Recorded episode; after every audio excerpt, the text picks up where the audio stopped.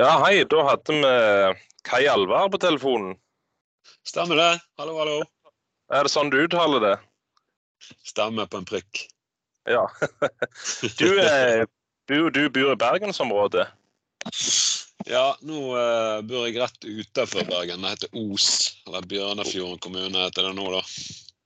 Bjørnefjorden? OK, ja vel. Jeg er litt Hva du sier ja, det er vel ti minutter. Vi har jo fått ny flott tunnel nå, så det er vel eh, Jeg bruker vel en eh, ti minutter herfra og ned til Bergen. 10-15 minutter. Ja. Den prøvde jeg vel først sist vi var, når vi var i Vi hadde med ungene til akvariet og fløybane og disse her i sommer. Så Bli kvitt litt penger. ja, stemmer det. Absolutt. Og jeg tror De sier det regner i Bergen, men da regner det i alle fall, så det Det var heftig. Så, så tok vi fløibanen opp, og det var jo bare skodder på toppen, men halvveis oppi. Ja, halvveis oppi bakken så så du jo godt, og så når du stod på toget, så Ja, det er Os, ja. Det er, vi er så vant eh, Nå har vi jo hatt finere vær her enn i Oslo, da. Så vi skal være fornøyd med det. stemmer det, ja. Jeg, eh, jeg var i lag med ei som var ifra Os, eller Faren bodde vel i, i Os, og mora bodde i Bergen kommune, men de bodde ikke så langt ifra hverandre. Mora bodde i, i Bakerviken i Lysefjorden, Oh, ja, ja, okay. og eh, faren bodde i Sperreviken, var det det? ja. Så det var, det var jo der inne med Ole Bull.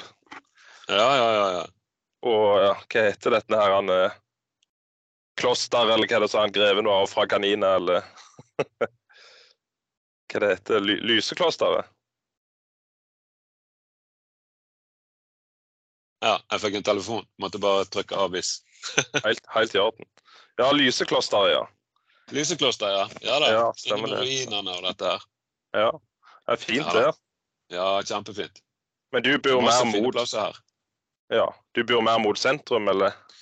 Nei, jeg bor uh, Lepsøy, heter det her, da. Så det er litt sånn uh, Ja, det er uti med litt Det er masse øyer og litt sånt. Det er nesten litt sånn sørlandsidyll der som jeg bor. da. Så det Jeg bruker vel kanskje 10-12 minutter, minutter herfra og så ned til Os sentrum, da. Ja, Bor du rett med sjøen, da, eller? Ja, det er mot Halhjem, på en måte. Du kjenner jo til det hvis du har reist Ja, stemmer det. den veien. Ja, det. Ja. Ja. Mm. Så det, det er mot der, på en måte, og så ut i litt uh, lite øysamfunn, på en måte. ja, var du tittgjengte der på eh, Hva heter denne her eh, Eran? Deinaren? Ja da, ja da. Der, Ja. der var vi en del. Eh, Men vi måtte jo gi tapt etter nye veien kom. vet du, sant? Da var det ikke mulig å gjøre butikk lenger. Men det var jo en jækla fin uh, plass altså med litt sånn eh, 50- og 60-talls rock'n'roll og biltema. sant? Og bil, biltema. Ett tema som var bil. Um, Ja. Knallbra med jukeboxer og Elvis-statuer. og liksom Det gikk i sånn 50- og 60-talls um, eh, ja, hva skal jeg kalle det? Ikke kostymer, men eh, det var liksom outfiten. Det var sånn servitørgreier Stemmer det, ja. fra ja, Stilig. Kjørte knallhard stil, men uh, Ja, synd at ikke de Til og med dologger var det stil over. Det var vel gitar. Ja, ja. Stemmer. Det var vinyl Var ikke det vinylplate, det? Ja, det var det gitar? Var mener, Det var sikkert eh, kroppen til en gitar, mener jeg på. Iallfall Ja, ja, det men det var, det var sikkert flere dolog. Ja, ja. Nei, de hadde, det var bra, det. Men halve fronten på en bil var jo integrert i veggen òg. Og det er skolebussen. Ja, og så skolebussen, ja. Ja da, De Ja. jo en fra USA dette, og, Ja. som ble en del av spiseriet. Ja, Kul plass, altså. Men uh, det kapittelet er over. Ja. Det har jeg faktisk ikke tenkt på. Det var jo veien som gjorde at de måtte legge ned. Jeg, jo, jeg Ja fulgte det jo på Facebook, men jeg fikk aldri det med meg. Det er jo akkurat som Route 66. Dette. Ja, det, det er for så vidt det. Ja. uh, nei, det var mange som Det er mange som merker det at den veien er kommet. Både på godt og vondt. Ja. Men uh, for Sånn, meg er det jo positivt, selvfølgelig. Men. Sånn jeg vet hvem du er, det er i grunnen Egentlig så er det vel Jeg tror i groen det er via Chris Holmes, på en måte, for det jeg har sett. Selv om jeg vet du tar jo bilder fra Amcar, og er det autofil? Er det flere du er journalist og, Amcar, nei, og fotografer? Ja, altså Jeg, eh, jeg skriver jo òg, da. Det er bilde og skriving. Er skriving er helvete, da. Så det eh, er jo den tyngste delen av jobben. Men eh, ta bilde og skriv eh, for Amcar. Og så Det som var Autofil, det ble jo eh, kjøpt opp i 2019 av bilforlaget. Sant? Så nå heter heter Ja. det Bilautofil. OK. Og så eh, ja, har jeg liksom lokalaviser her da, som jeg òg leverer stoff til. Det Ja. er liksom de tre hovedsakelige. da. Men du har hjemmekontor og er liksom litt frilans, da? Eller? Ja. ja. Ja. Mm. Jeg må ha det sånn. ja. Jeg kan ikke, det er- jeg fungerer ikke så godt til sånn eh, Jeg vet ikke, Å sitte på kontor Det er veldig mye kontorsitting i en sånn jobb som dette. her. Jeg har jo vært mye på kontorene, men det er jo på Østlandet, sant. Ja. Så det blir jo vanskelig å pendle hver dag, på en måte. Men jeg har vært en del der, og det er ufattelig kjedelig å sitte på de kontorene der, altså. Ja, jeg ser det. jeg ser det. Er det, er det noe i Trondheim, da, på Amcar? Veldig lite. Ja. Det var bare egentlig når Altså lord Arnstein eh, Landsem, som er redaktør i Amcar nå, Mm. han var jo tidligere i Autofil, han òg. Ja, stemmer. Du jobbet så- med han da òg, eller? Ja, og da overtok jo han sjefsstillingen der på, i Amcar, og så ringte han til meg og spurte om jeg kunne eh, Om jeg var interessert i å komme opp der og jobbe Ja. fast, på en måte. da.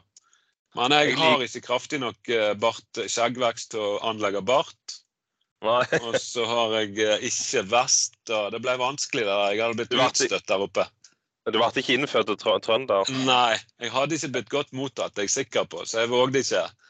Og så selvfølgelig så har jeg jo røttene mine her, så det, det ble litt voldsomt å flytte på seg med ja, jentunge her og hund og, Ja. og sånn. ja, hun er du glad i, ser jeg.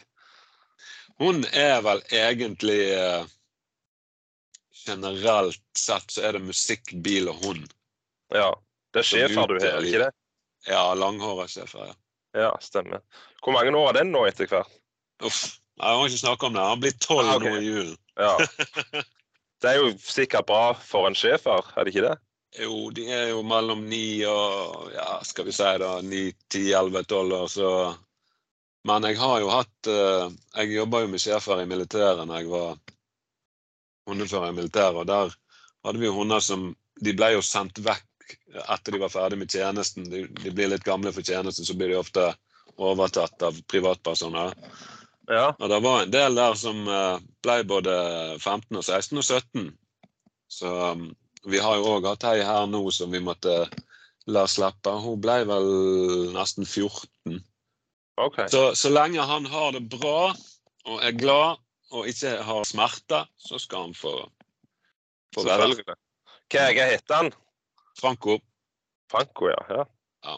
Og han, eh, han røk i ryggen eh, for eh, litt over et år siden. Da var noe som skjedde. Han fikk en eh, prolaps og styr, så han ble lam i bakbeina. Oh. Eh, og så var det mye fram og tilbake med dyrleger og styrestell, og så ble vi anbefalt en operasjon. Men jeg følte at han var litt gammel til å ta den operasjonen. For den var Mhm. ganske heavy med noen bolter og boring og styr gjennom hoftene. Litt sånn usikkert utfall, da. Mm. Uh, Og så er narkose veldig tungt for dem de- jo eldre de blir. ja. Så da gikk vi for alternativ eh, B, og det var å prøve med en sånn sele, og så prøve opptrening. ja. Det gjorde vi, og jaggu meg så fikk vi han på beina igjen, men det var tungt. Så han har vært vekke fra meg nå på ett år, så han har vært vekke én dag og sju timer. Oi. Resten Ja. så har han vært med både på jobb og alt. Hele døgnet.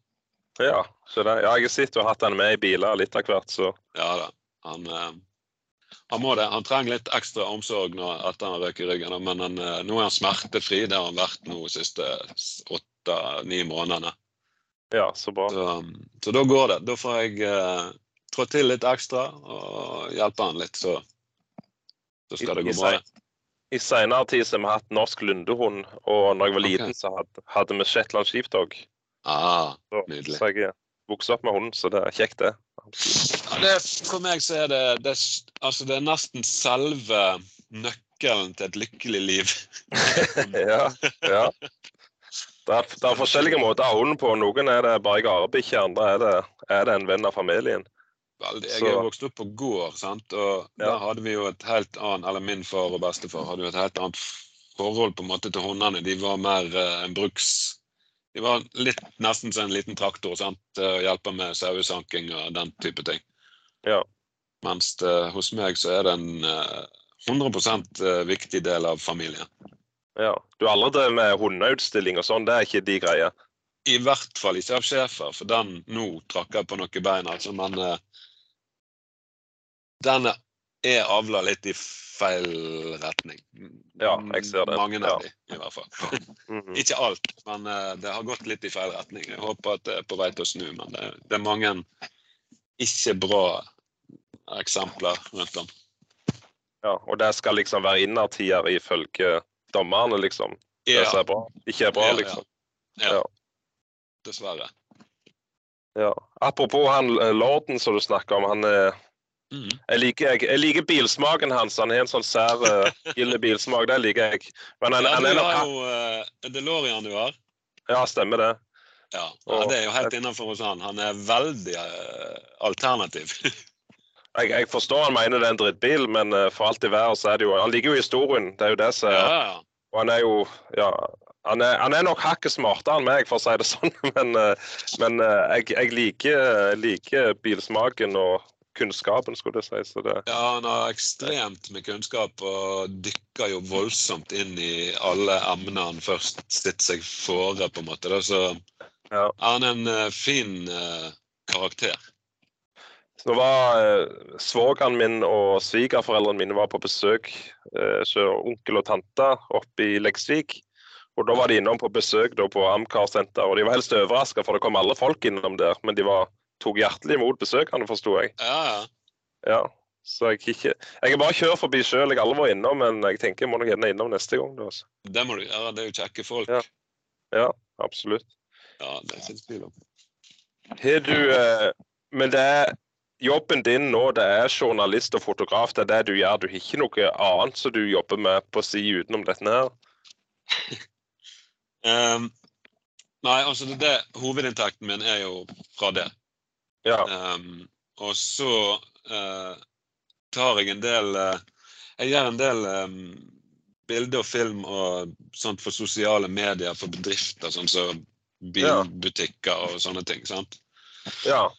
Og så skriver jeg to bøker, og så eh, holder jeg på med oversettelser og eh, ja, det som vi kaller for subtitling av eh, diverse ting og tang. Så det er litt Ja. sånn all over the place. Men det, Ja. jeg har alltid vært en kreativ sjel, så jeg må liksom jeg, jeg blir veldig fort lei hvis det skal være sånn samlebåndsgreier. Og da må jeg Ja. Da er det ikke sånn at jeg må ha en pause og bare slappe av, men da må jeg bytte det ut med noe annet i en periode for å bli motivert igjen, på en måte. Mm. Hvis du skjønner det. Altså, jeg kan ikke, Hvis jeg blir lei av å skrive for Amcar og ta bilder for Amcar, så kan ikke jeg slutte med det og bare sitte hjemme og slappe av litt. Da må jeg bytte det ut med noe annet som på en Ja, måte er litt sånn kreativt. sant? Ja, Hvordan hvordan havner du opp- Hæ? hvordan havner du oppi dette med teksting og sånn? Jeg har alltid likt ord, rett og slett. Og så um,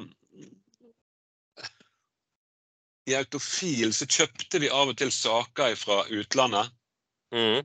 som vi da måtte oversette til norsk. Ja. For at leserne våre skulle få forstå noe. alt det på seg. Og Den jobben var ofte jeg som fikk, for jeg har alltid interessert meg litt for egentlig det. Um, så det hadde jeg litt sånn i bagasjen. Og så tenkte jeg, eh, når, når Autofil på en måte ble kjøpt opp, og det ikke gikk så bra i bladindustrien, da, Mm.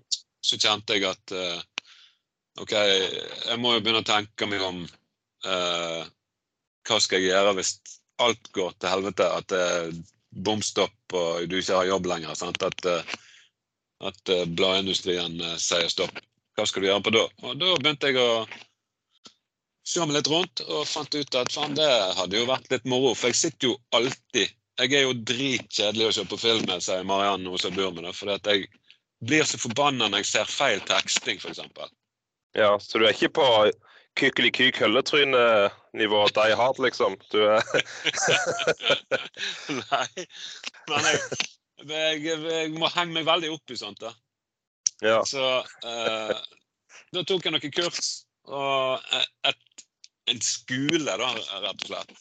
Translation Academy heter det.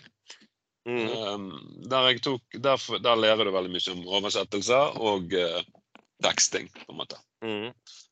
Så veldig interessant, kult å holde på med. Jeg, du kan sitte i fire timer og bare oversette. Det høres jo helt ufattelig kjedelig ut når jeg sier det høyt, men det er faktisk litt gøy. Ja. Er det sånn du er litt pålagt å styre unna stygg, stygg ordbruk, liksom? Eller blir det, tenker du, du, du oversetter det som er korrekt oversett, liksom? Jeg oversatt det som er korrekt oversett. Ja. Mm. Ja. Jeg har ikke noe sånn spesielt filter på det. Nei. Nei, det er jo det som er rett. Oversettelse er jo oversettelse. så det... Ja da.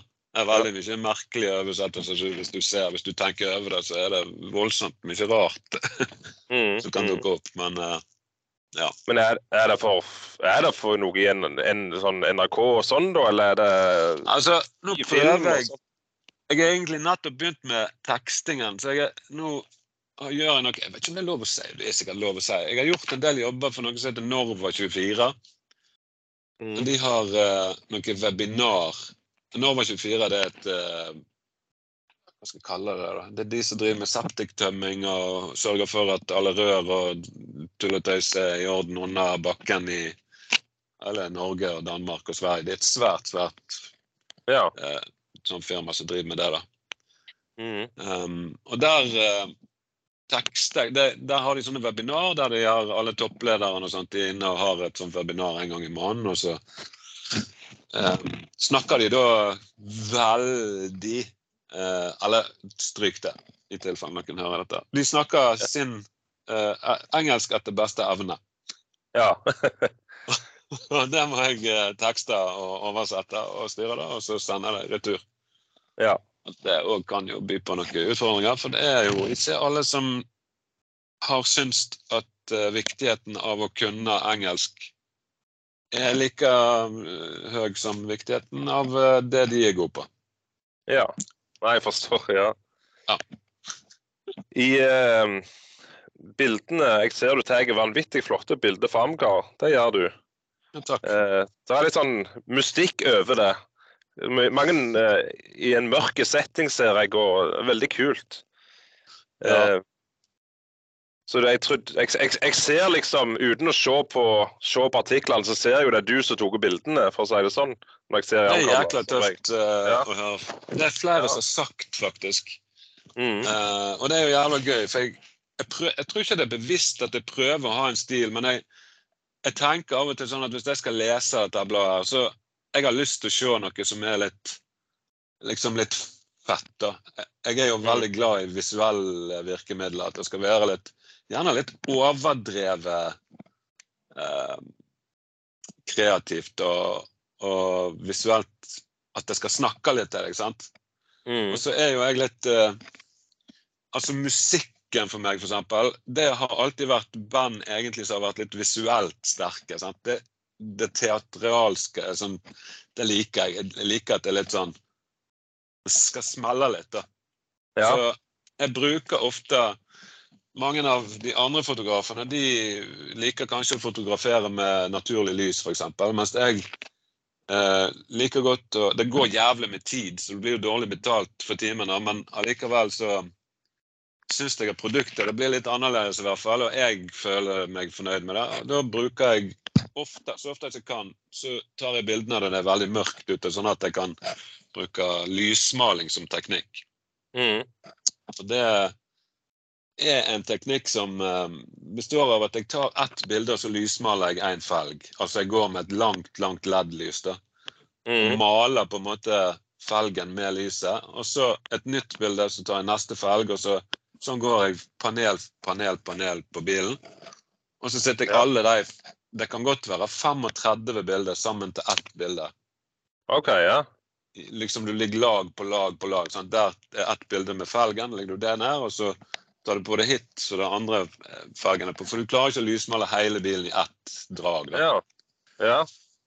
Så da blir det veldig sånn visuelt slående, på en måte. da. Men det er klart, det er ikke alltid du har så god tid som du skulle ønske du hadde. da, For at eh, det må jo være litt samlebånd. For at her er det mange ting som skal inn i bladet, og det har en deadline osv. Disse her som du ofte ser på Facebook, som har fantastiske, flotte bilder, de skal gjerne bare ta det ene bildet. og Det bruker de kanskje ti timer på. Ute på, Ja, altså ute på location. Sant? Ja. Hva utstyret? Er det, er det Nikon-kamera, eller Ja. det? Ja. Mm. Og det er helt tilfeldig. Det er sikkert ikke noe bedre det enn Canon eller noe som helst annet, men det er liksom det jeg begynte med. Mm. Og da har det liksom bare blitt sånn. Så det er ikke, ikke nødvendigvis at det er noe bedre enn noe annet.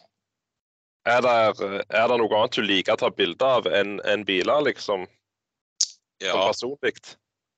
ja jeg eh, Altså, jeg, jeg liker å ta bilder av folk, men samtidig ikke. Men det, det, det gjelder gøy å, få- å fange øyeblikk, syns jeg. Ja.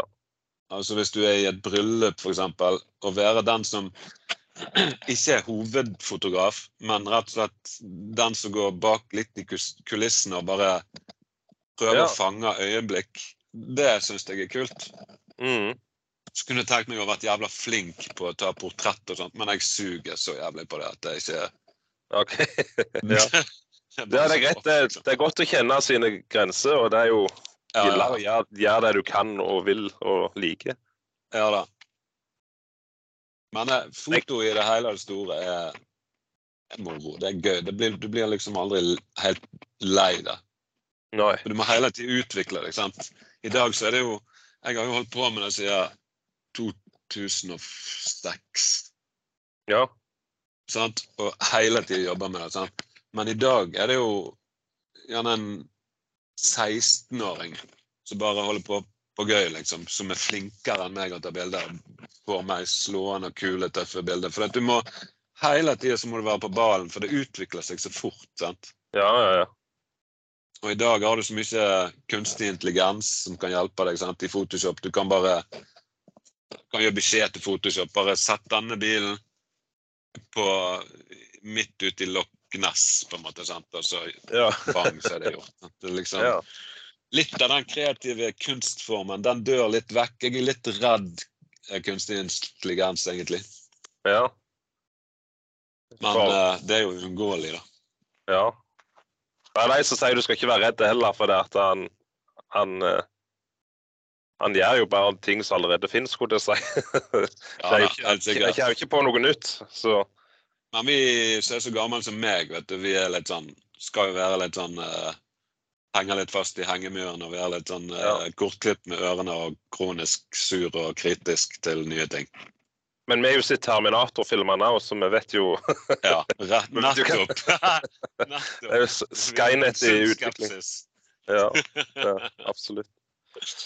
Men du eh, Jeg vet jo òg vi har en ting til felles. Jeg har hatt Porsche 944, du har hatt Porsche 944. Den hadde du nettopp solgt, forsto jeg. ja, den siste har jeg nettopp solgt, ja. Og det var eh, tidlige utgaver? Eller? Ja da, det var en tre- Nei, det var 84, faktisk. Ja. Og det var en bil som jeg eh, Altså, jeg så den til salgs, og så skjønte jeg på en måte at eh, jeg kunne få bil av det. For den var altfor billig, og så var det De hadde ikke fått startmann på tolv år. ja.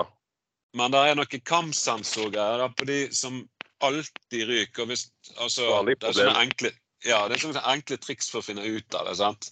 Mm.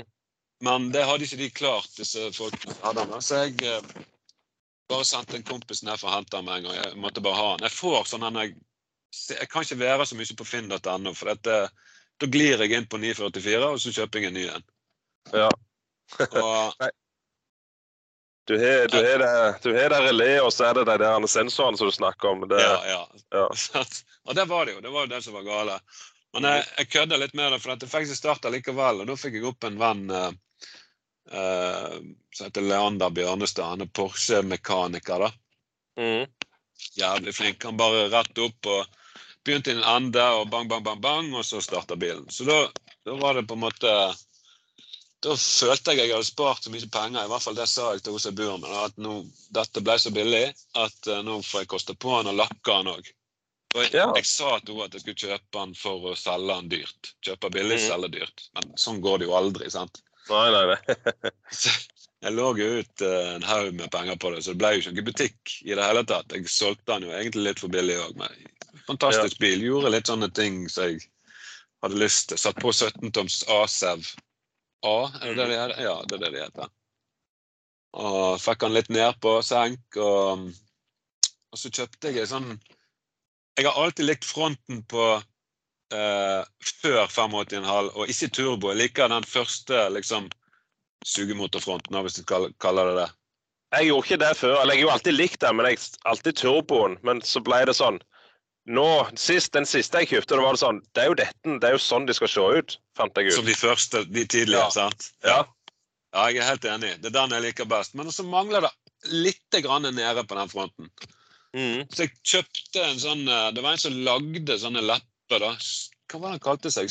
Stuttgart John, eller et eller annet sånt. Han, han Ja. er på Facebook, det. Ja. Så jeg slo til og prøvde på det, og det, bare, det var prikken over i-en. Så ble så jævlig fint. Jeg Mm. fikk på den leppa. Så dårlig passform og alt, selvfølgelig. Masse banning og steiking og skruing og kutting og herjing. Men det, det gikk nå til slutt. Så ble jeg kjempefornøyd med den. Så blir det så jævla lite brukt at uh, det blir synd å bare ha det stående, liksom. Ja, det er det. Så da Og, kom eh, det en kar og kjøpte den. 16-åring, faktisk. Var første Ja. bilen sin. Så bra. Ja da, dritkult. Det er helt fantastiske biler å kjøre. Det er løye. De, de har jo fått litt kred i senere år selvfølgelig enn det de hadde før. Men eh, 50-50 vektfordeling og girkassen bak og alt dette der, det er helt fantastiske biler å kjøre.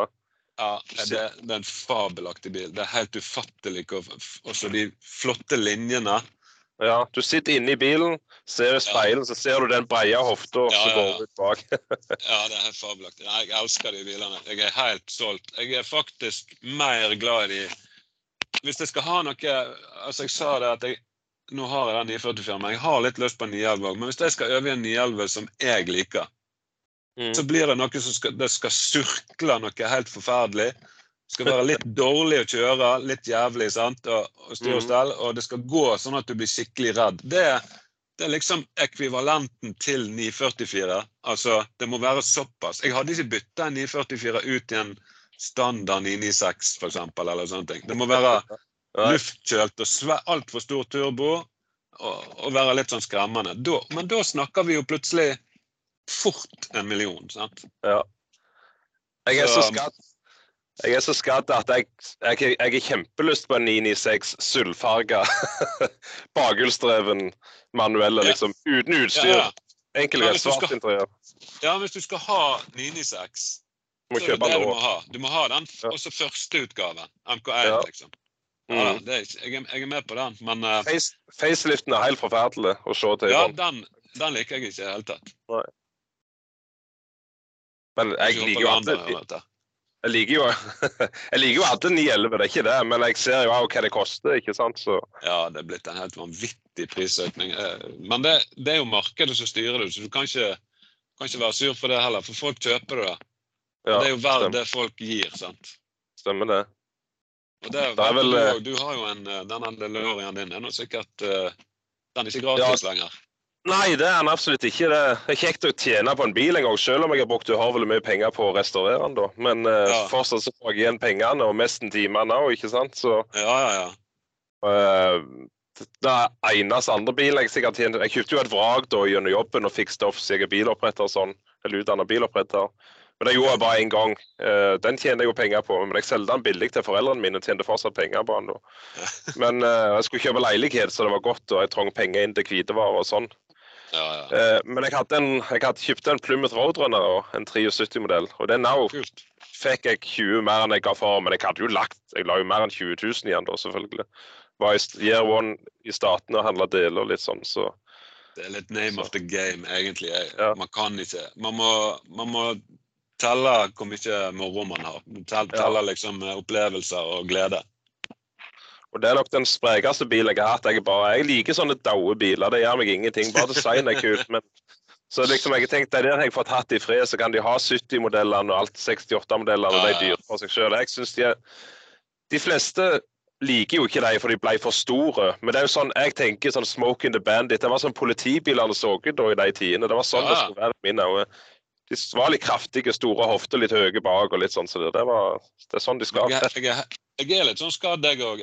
Ja. Altså, I jobben min så får jeg kjørt så ufattelig mye. Jeg er kjempeheldig og få kjørt altså det meste som finnes liksom, av både Lamborghini og Ferrari og alt det der. Og det er veldig meg, men, men personlig så eh, Altså, samboeren min irriterer seg så jævlig fremdeles. For jeg hadde en BMW E38 eh, 728 i. Og det, det er jo langt ifra en rakett. Altså, det er jo så jævlig seigt at det er helt forferdelig. sant? Mm. Men det var en sånn nydelig bil å kjøre. Og han gikk så stilt at du satt og kviskra inn i bilen. Sånn at Mariann ble gal av å sitte på meg. Nekta å sitte på meg i den bilen. For da ble jeg en annen person, sa. Du kjører så seint, og, begynner- og så sitter jeg hele tiden Hør hvor stille han går. Og skryter av bilen. sant? Sånn at det irriterte alle som satt på. For dette, jeg, ble, jeg vet ikke hva som skjedde, men den bilen, utseendet og, og måten på en måte han føltes når du Han har bare helt ufattelig undervurderte bra biler. Ja. Det har sin Det er litt tilbake. Det trenger ikke gå så jævlig for at du liksom skal falle for en bil. 944 er jo ikke rask i den forstand heller, sant? men det, det er min smak. Det, det, det er den som gir meg noe annet enn det. Jeg trenger ikke barbere et sekund rundt uh, Rudskogen, liksom. Det betyr nei, nei. ingenting for meg. Men apropos den der eh, 996-en som jeg snakket om. Det er jo den nye, banen i Sokndal. Eh, Ja. Så hadde de sikkert hatt en sånn Porsche Porsche-dag med kjøring på banen da. Og Ja. da var det line opp med nye GT2-er, GT3-er. ja, ja. En 996 tohjulstrekte, og så bare en eh, GT2, GT3. Så jeg liksom Å ja, GT2, GT3. Oh, 996! Ah, Og GT2. ser du det, ja? Ja, ikke sant? Så, du, har forelska deg helt i, i den inni seksen, altså? Ja, men det, det er da jeg var liten. Jeg var så Det var en tid med så James Bond, vet du. Aston Martin DB7 det er jo den DB, eh, Aston Martin jeg har mest lyst på. Det er jo den mest utskjelte av de alle, men Det er Det er veldig rart at du skulle si for Ja. jeg er, det er akkurat den. Jeg, jeg sitter omtrent daglig og ser på om det er noen til salgs, og du må ha med V12. jeg, jeg kunne hatt sekseren. Det gjør ikke meg noe. Men eh, det? Ja. Nei, men det, det, det er ikke fordi at V12 går så mye bedre, jeg ville hatt den, men det er noe med den lyden som bare er helt magisk. ja. Drittøff bil. Drittøff bil. Er faktisk en av de tøffeste bilene. Mazda 323F baklys og MX5 dørhåndtak Ja, ja, ja. tredje innvendig. Men, ja. Men det er sånn det skal være. sånn eh, DeLorean er jo en innvendig partspin-bil. ikke sant? Det er jo det er sånn det, verden fungerer. Ja, ja, ja. Men har du hatt eh, hva, hva annet bil har du hatt oppi? Hvor gammel er du forresten? Å, herregud. Um, nei, altså, jeg er 47, og jeg har Ja. hatt uh, Himmel og hav. Jeg må jo ha hatt 100 må jo være 135 biler, sikkert. Du tenker litt mer på det spesielle, da, ikke Flint sånn? Ja, nei, ut av det eh, spesielle Jeg vet ikke. Jeg er usikker på hvor mange 944 jeg har hatt, faktisk. Det Mm. kan hende jeg har hatt ni. Å, såpass, ja. OK. Ja, og så har jeg hatt eh, 928. Mm. Eh, jeg, hatt en, jeg bygde meg en Capri som var egentlig helt tullete å bygge. Men jeg, jeg, jeg fikk tak i en Capri eh, 3 liter Gia. Ja. Nei, en 3 liter S. Og den var så spesiell liksom, at eh, folk sa at du må, ikke, du må ikke gjøre noe med denne bilen, den må få være original. Men så, da var jeg i den alderen at jeg ikke, eh, ikke hørte jeg på andre, og ikke var det stilig med en original Capri. Nei. Så da var det å rive av skjermer og skjære av bak og få på et sånt saksbil, eller et sånt um, ja, et saksbil breddekit, turbokit da, med breddeskjermer og eh, snøplog front og jævlig tøft. Jeg kunne tenkt meg sånn i dag òg. Dette gjorde du sjøl? Ja, gjorde det sjøl, ja. Ja. Og så um, heiv vi oppi Cosworth-motor, altså to liter turbo Cosworth-motor. Mhm. Og ja, bytta alt på den bilen der. Um, Ja. Og det var en dritkul bil. Og så skulle, da begynte vi med noe annet igjen. Da skulle en treliter ned i og twin-turbo. Så gikk det Det liksom rant helt Det ble helt tull ut av hele greiene. Så den solgte jeg, tror jeg, i motor for seg, og så bilen ferdig bredde med coilover og så bremser og full pakke. Jeg tror solgte den for 9000, tror jeg. Oi. Ja, det var helt katastrofe, vet du. Fått mer for den i dag, ja. Ja, fy flate. Dette er jo Ja. sikkert nesten 20 år siden. sant? ja. Men eh, nei, så jeg har hatt litt sånne ting. Jeg har hatt noe jeg har hatt, da? Jeg har hatt lite amerikabiler. Jeg har hatt en Corvette C4. For det rar som jeg er, så er det det som er favorittkorvetten min. Og Da er det tidlig utgave med digitalt display og sånn. Ja, ja, ja. Ja, ja helt enig. Sånn at du får litt hockeyhår og litt bart når du går inn i. Mm. Må ha det. Og, og så um, Hvilken farge var han? Han var sånn uh, li- mørkelilla. Altså han var Originalfarge? Mer, bl ja, ja, mer blå enn lilla, da, men blå-ish mørk lilla. Kan hende jeg har noen bilder av han. Hva årstall snakker vi da? Eller hva årstall? 84-mål. Det var, Ja, det var liksom crossfire og sånn. Crossfiren, ja. Og så var det året før de kom med denne heter den Z51-pakken. Den eh, som Mhm. liksom skal være så sportslig, da. Ja. Men uh, også uh, manuell kasse med, med sånn overdrive, vet du. Mm. Det funker liksom ikke eh, ever. Så det kom en kamerat, han Johannes Einemo, eh, oppe i Lærdal. Han kom og kjøpte den. Eller han bytta den faktisk. Jeg bytta den i en heilakkering av eh, den sju-serien som jeg fortalte om i sted. Ja, OK. Ja. Så han tok han opp og fikk av det der crossfire-styret og fikk forgasser på han. Og lakka han hvit, tror jeg. Og Mhm. kul bil. kul bil. Jeg, det, jeg kan godt kjøpe men C4 igjen. Syns det er tøffe biler. ja jeg Det tror eh, jeg er eneste amerikabilen jeg har hatt, faktisk. Det var litt sånn, Jeg har alltid likt de, men det har alltid vært sånn Vi skal ikke ha det. Men så plutselig Og jeg tenkte liksom Faceliften, der var jo den som var fin. Fangeren framme var finere. Men Mm. jeg, for det er sånn akkurat på den tida, for da var det jo tålelig nye. Men jeg ser det at det, som regel så taper faceliften seg på de fleste biler Ja. et, med tida. Og det var liksom, du skal jo all out 80s. Du skal ikke ha noe rundinstrument. Det skal være firkanta med, Ja, ja, ja. med, med digitalt instrument, ja, instrument og alt dette. annet. ja da. Helt vanvittig tøft. Ja, det, det er kjempestilig. Det er ikke, så lenge det virker, så er det ekstra stilig. Hva syns du om den 928-en, da? Sånn å kjøre og hvordan, hvordan var det, den opplevelsen der? Eh, det er jo òg en bil Altså, dette her var jo Jeg har faktisk hatt to. Jeg har hatt én um, uh, 4,5 liter, og så har jeg hatt én S-utgave som 4,7. Mm. Og den 4,5 literen Den var jo bare jækla tøff lyd i. Mm. Og så, Jeg syns den er fenomenal å kjøre, med sånn dogleg-kasse. sant? Første giret det går ned. og Mm. Uh, jeg syns det er dritkul bil å kjøre, men går jo ikke så godt. Men det glemmer du når du siger gjennom byen på kveldstid, og så tar du opp verdens største, styggeste vippelykte. Ja. Da blir alt kult. Jeg Så så betyr det ingenting annet. var ny, ny Mazda RX7 som faktisk kom med vippelys. Ja, Det, det var en LED-striper, da, med helt konge. ja, ja. ja. Vippelys er det tøffeste som finnes. Ja. Og de, Samme med de, 944 òg. ja, det er jo noen av de finere, syns jeg. Sånn, Ja, ja, ja.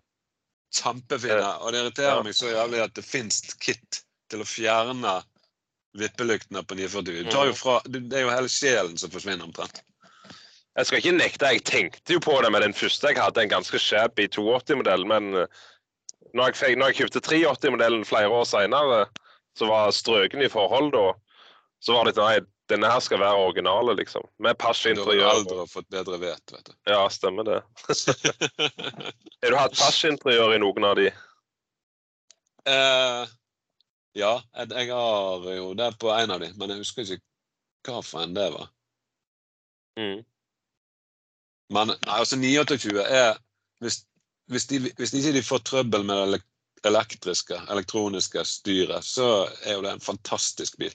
Jeg elsker den bilen, egentlig. Og den lyden og Det er, det er liksom litt sånn eh, 944 blir mer sånn hverdags i forhold til 928. Det er litt mer eh, Ja, ja. sirkus. Ser vanvittig behagelig ut å sitte i.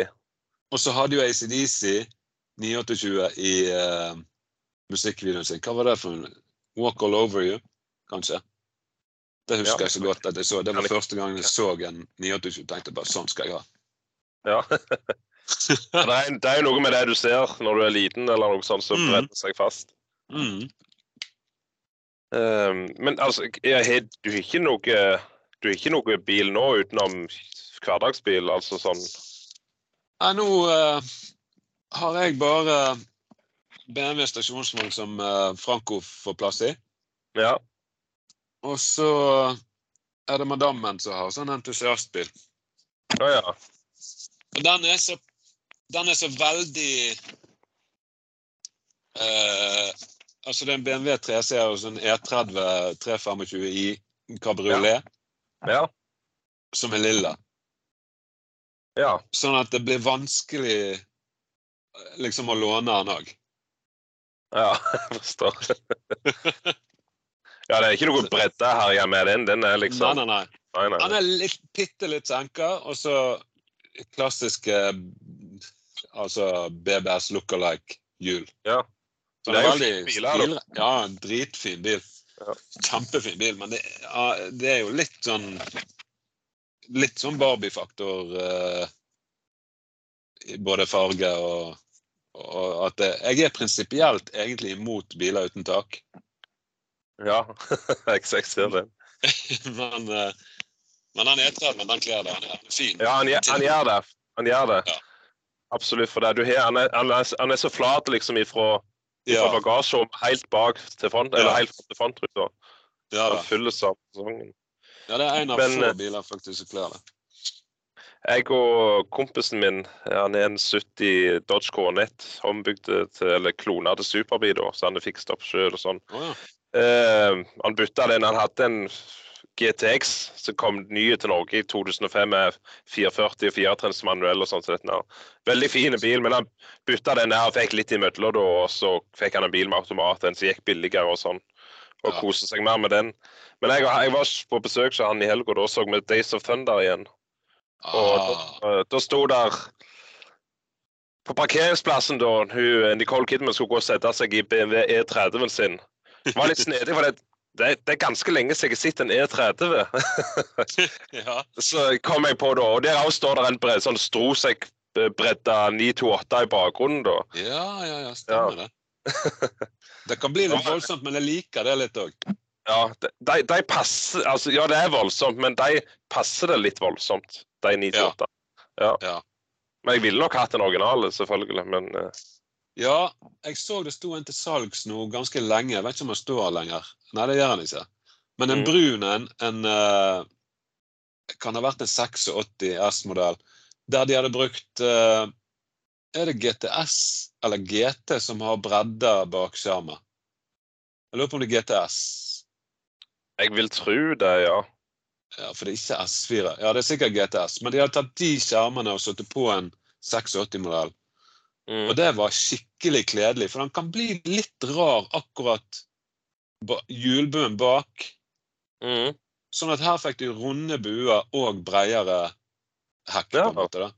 Ah. Og så har de laget til sånn at du fikk to eksoser, altså ett eksos på hver side bak som kom ut. Og det, var jo, det er jo veldig kledelig. Det hadde jo jeg òg lyst til på min, men jeg visste ikke hvordan du skulle få det til. å sveise rundt bensintank og alt mulig baki der. Mm. Men det hadde de fått til her, så det, den var drittøff. Minuset var at det var automat, og det jeg bør ikke være det, altså. Nei. Dette var noe som lå på Finn for litt siden. Ja, Ja. nå på Finn, det er ikke lenge siden heller. Han, han var ikke så dyr heller. Var det 250 du skulle ha for han, kanskje? OK. Ja. Så det var, det klødde jo litt i sånn Jeg har en sånn buy now-thing. Så jeg er så aktiv når jeg finner sånne ting. ja. Hva hva var den første bilen din, da? Uh, ja, det var egentlig Altså, den første bilen min var en Peugeot. Var hadde jeg fått Ja. Peugeot? da? 504? Eller var det 405? Det må ha vært 405, tror jeg. Ja. Det var sånn firedørs sedan, skulle jeg si. Ja, ja, ja. Litt stilig, eh, egentlig. Men jo eh, den varte den ikke sånn grådig lenge, for at eh, Jeg fikk tak i Jeg fikk kjøpt eh, meg en Capri. Ja. ja. Og Det var med to liter V6 på 90 hester. Mm. Men han hadde to eksosutløp bak og motivlakkering. Ja. Hva Sånn var motivet av? Nei, det var, det var bare noe En eller annen motivlakkerer som hadde fått gått litt eh, amok. Så det var noe stripe. Blå, han var blå og sølv, Mm. og det var ganske smakfullt. Det var ikke Det var profesjonelt gjort og ordentlig lakka og full pakke, liksom. Så det var, det var stilig for 80-tallet. Mm. Men eh, jeg vet ikke om det hadde vært så fått noe sånn stående applaus i dag, men eh, det var kult da i hvert fall. da, og så var det jo tøff lyd og alt dette. Det var, da, var, da var jeg i himmelen, det husker jeg. Det var en fantastisk bil. Han gikk jo som en bøtte med drit, men han lagde jo skikkelig kul lyd. Ja. ja. Og da var det ikke så nøye at det gikk dårlig, liksom. Nei. Var, var han fin i stand? Sånn, hva så- altså, det var nylig lakkering da, eller? Ja da, bilen var egentlig strøken. Mhm. Og det er jo sånne summer den tiden vet du, i forhold til i dag. Altså, en sånn bil Det er fort 150 000 for en sånn bil i dag. Mm. Men da snakket vi om Jeg lurer på om vi betalte 17 000 for den bilen. Ja. Så det er rart å tenke på dag. Man skulle jo bare tatt vare på alle disse her juvelene som man har hatt. sant? Ja. Det er løgn når du blir gjennom sånne gamle Eika motorshop Ja, ja. eller sportkataloger, så ser alle sånne breddingene til gamle Golfer og Opler. Ja. Ja. og styling og griller og ditt og datt. Så Mye tøft, mann. ja, det er ikke mye du ser nå av det lenger. sånn. De er som regel er restaurert tilbake til litt mer originale stand. Jeg vet ikke om det er bra eller dumt, egentlig. Det hadde sin sjarm, så en og annen jeg... Det er løye å se det, i alle fall. Ja, det var noe E30 der, så du hadde noen sånne voldsomme kit, husker jeg, med noe Testarossa-bredding og hei hva det går. Det ble kanskje litt i, i overkant. Der lå nettopp en Golf N med en sånn Jeg husker ikke hva det heter, det kittet, men den hadde alt av det der ifra gammelt av.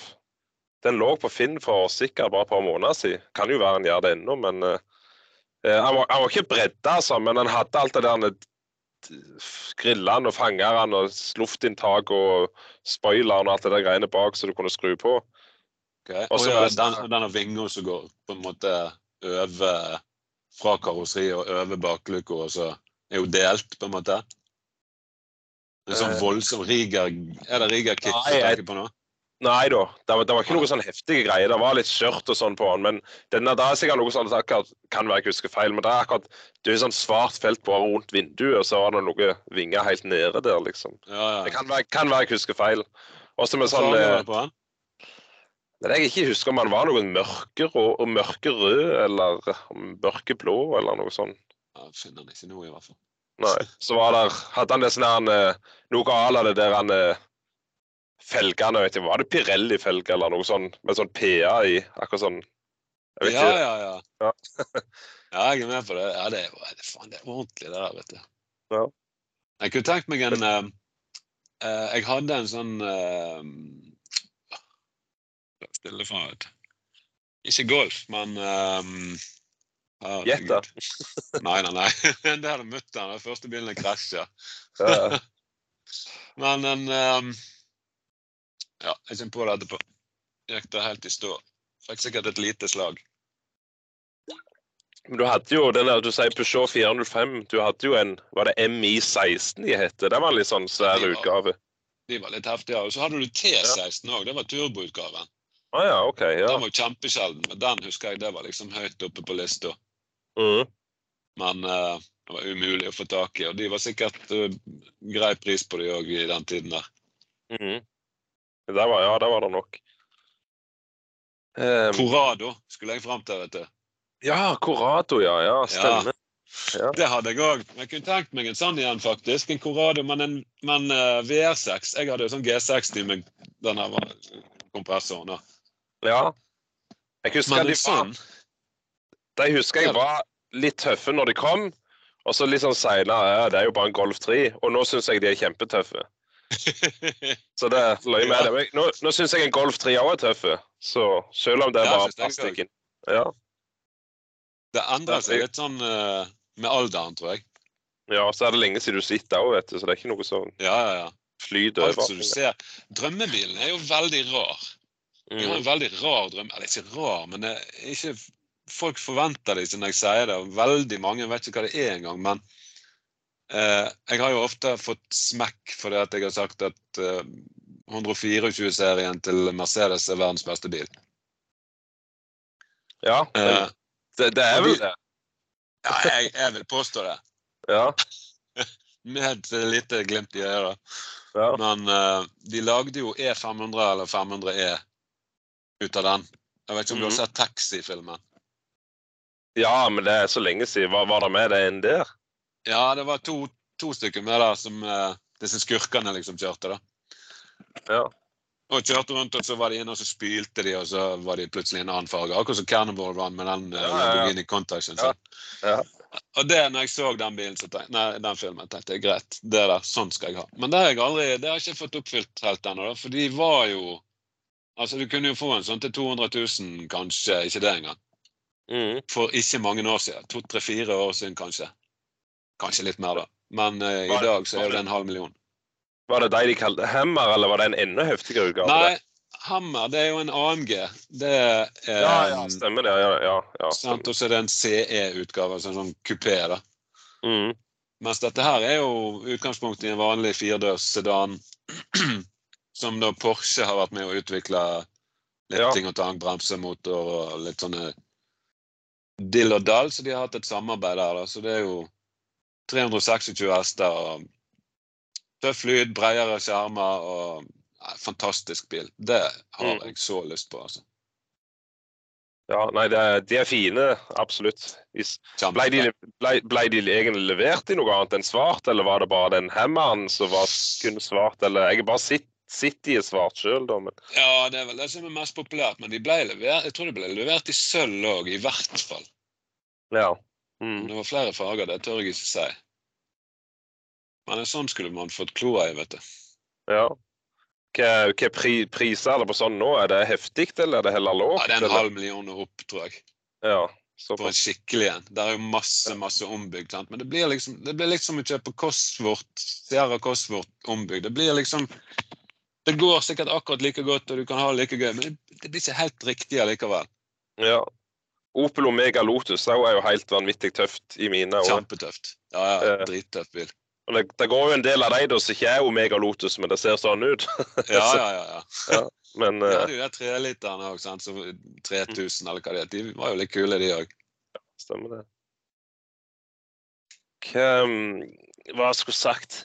Altså, vi hadde jo Da Det var det jeg nevnte det tidligere, at eh, jeg er litt usikker om jeg lagt deg til som venn pga. det Amcar-greiet, men jeg mener på det var pga. Chris Holmes. For at, uh, jeg var jo på konsert med han på, på Tribute på Sandnes. Et kjempeliten plass, og det var lite folk som var der. Vi kom jo backstage og alt dette der.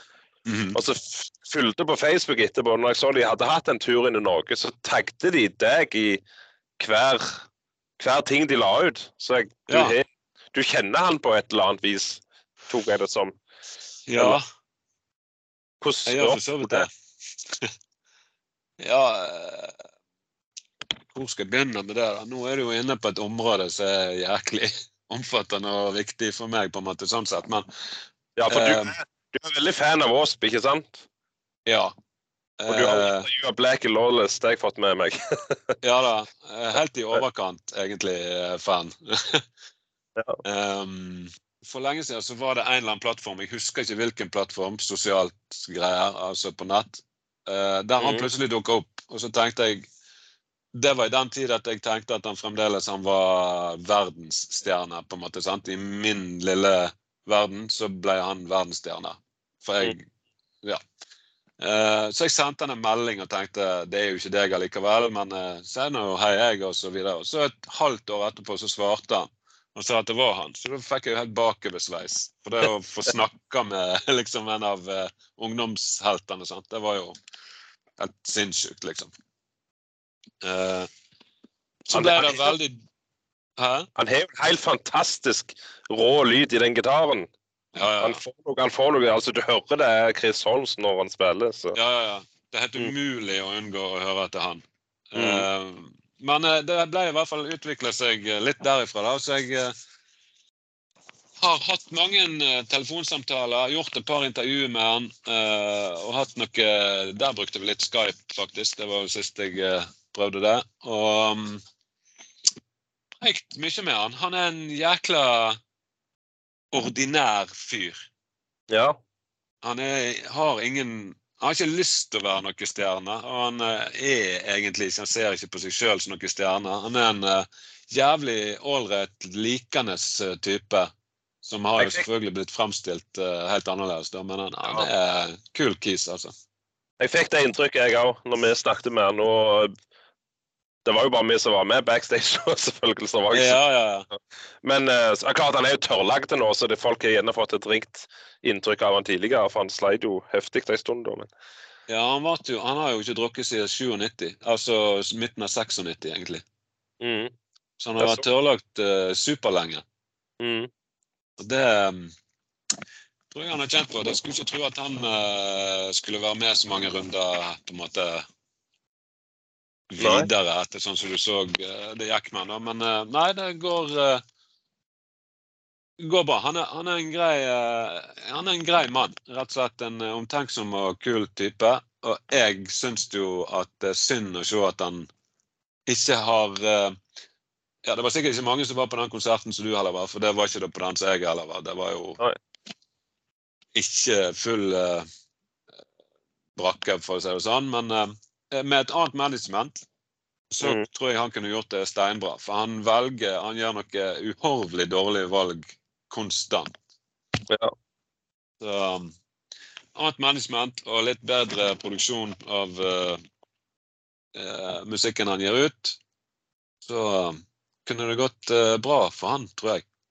Jeg ser jo Jeg så jo Jeg, jeg koste meg jo når han slapp de der siste musikkvideoene. altså Det var jo tøft, men det var, det var jo vilt harry òg. Han hadde vel egentlig ikke tenkt å synge på dette her albumet, uh, men han Filthy Animal Taylor, var det ikke han som produserte eller spilte inn? Jo, det var første. Ja, det var den første, ja. Uh, ja.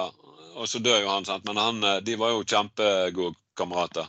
Mm. Um, det var vel han som oppfordret han til å synge. Ja. Du får mer publikum, sier han. Ja, og det er jo råd å ta råd fra Filthy Animal Taylor. Veit ikke om det er bra eller om det er dumt. Men altså, han var kul. Han er digga. Han trommisen er helt konge. Men uh, eh, han bør Jo, han kunne sunge en sang her og der live. Ja. Men bandet, han burde satt sammen et band og så, og så tatt, latt noen andre ta seg av syngingen. For det, ja, det er ikke hans uh, sterke side. Altså. Det er bare greit. Men igjen, det er så under Det er så, så Produksjonen er så ærlig da, på liveshowene. Mm. Ja. Du vil nyte det uansett. Ja. For det, jeg, jeg- jeg, hadde det ti ganger gøyere på konsert med han enn jeg har hatt med svær, altså Kiss, for eksempel. Ja, ja. Helt enig. Så um, det er noe ærlig og herlig med den rå måten han leverer. Rett og slett eh, sånn strip down to the bone rock'n'roll, da. Stemmer det. Som, Jeg følte eh, at uh, det høres jo vanvittig mye bedre ut når han sang live òg, enn det gjør på de musikkvideoene i mine. Ja, faktisk. Så det var klart Bandet som var med, da var det jo en annen sanger som sang Wasp-sangene, selvfølgelig, men han tok det der sjøl. Ja. Ja. Ja, de har han ikke Jeg har fått noen meldinger og noen telefoner og sånt, når de får nye vokalister. og sånt. 'Hva syns du om han her? Hva syns du om han her? Passer ikke han jævlig bra?' Og så har jeg vært litt sånn tilbakeholden liksom, med å si at jeg ikke, at jeg sikkert hadde gjort noe forskjell hva jeg hadde meint, altså. Men jeg har liksom aldri sagt min ærlige mening. Men jeg, det kan hende for at jeg veier det opp mot Black igjen. Ja, ja, ikke sant. Ja. Sånn at det blir møkk uansett. Men, ja. men uh, nei, han har ikke valgt heldig, syns jeg, da. Nei. Det er jo sikkert begrensa. Det er ikke mye penger de tjener på å reise rundt og spille. Sant? Så han kan ikke plukke fra øverste hylle heller. Nei, selvfølgelig. Selvfølgelig. Så, men, eh, men han står på. Han, eh, han, eh, han kommer til å dø på scenen, så eh, du må jo bare respektere mannen. Mm. Han kommer aldri til å gi seg. Nei. Det hadde vært svært å få drøst med han på podkasten. så prøv det. det. Reach out til han, så Ja, men det, klar, det får du, det. Garanterer jeg deg. Ja.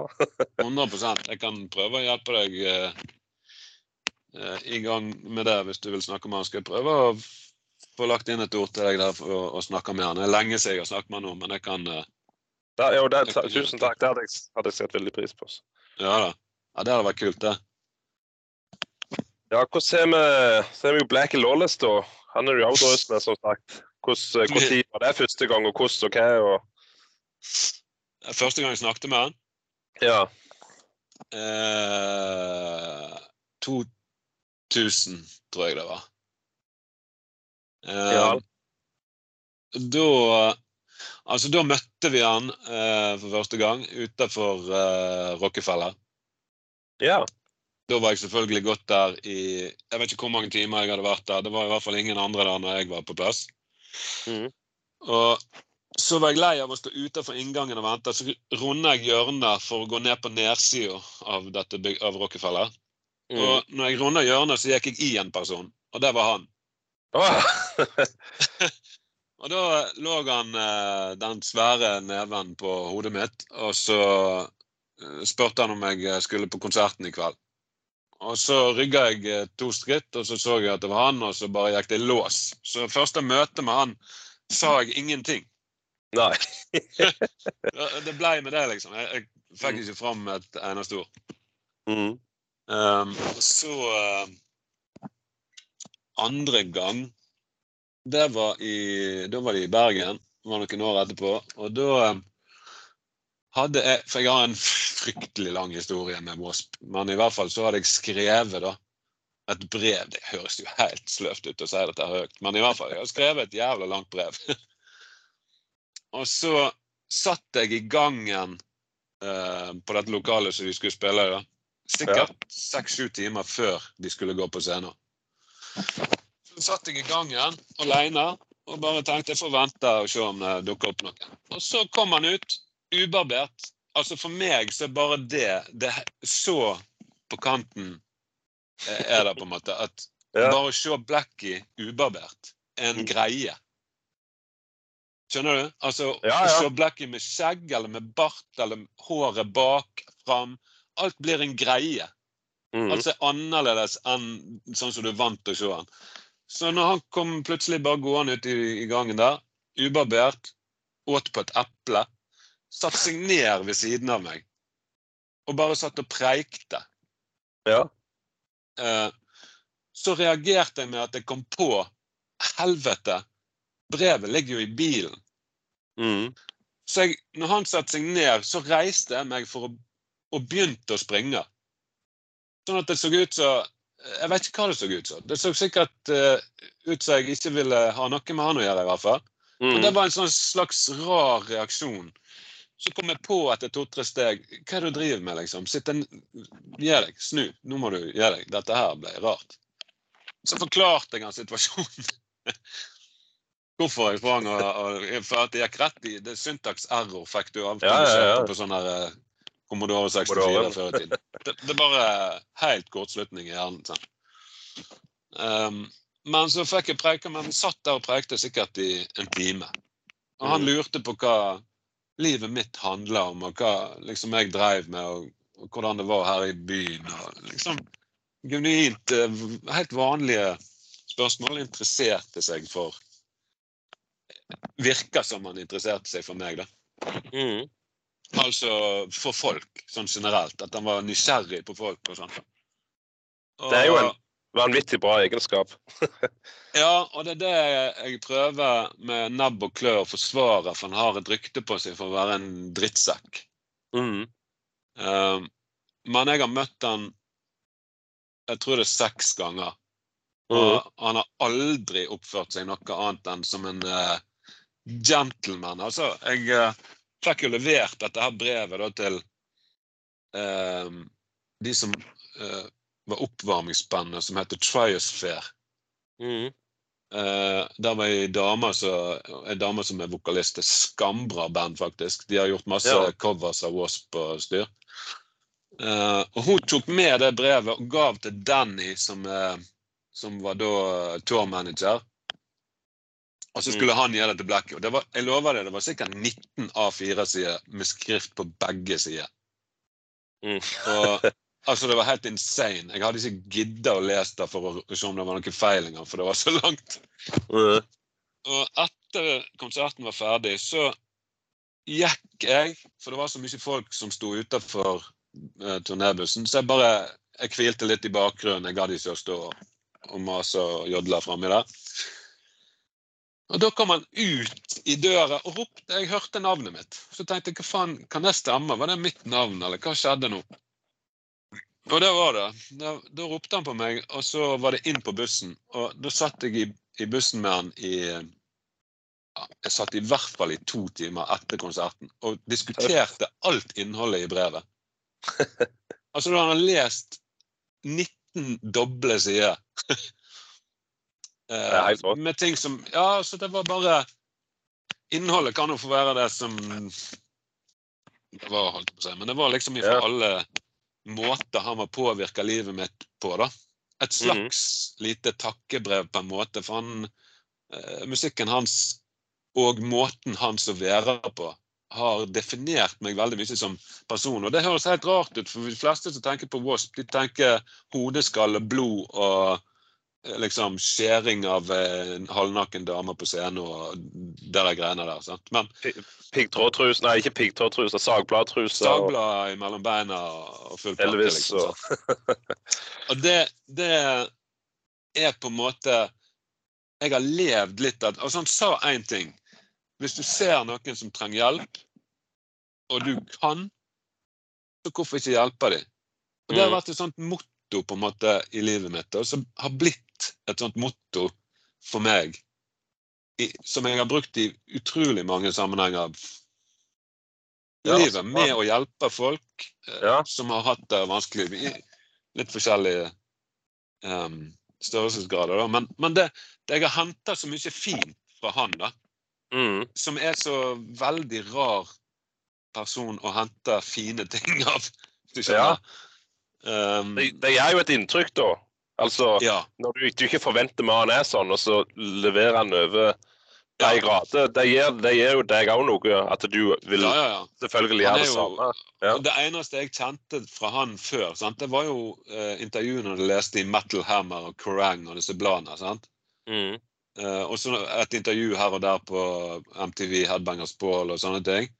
Og da er det jo veldig lett å fremtre sånn som du vil at folk skal oppfatte deg. sant? Så kommer jo sosiale medier og alle disse tingene. Da blir du kjent på en helt annen måte. Men jeg hadde kun metalhammer og, og Headbangers Ball å forholde meg til, og prøvde liksom å finne ut av personen Blackie.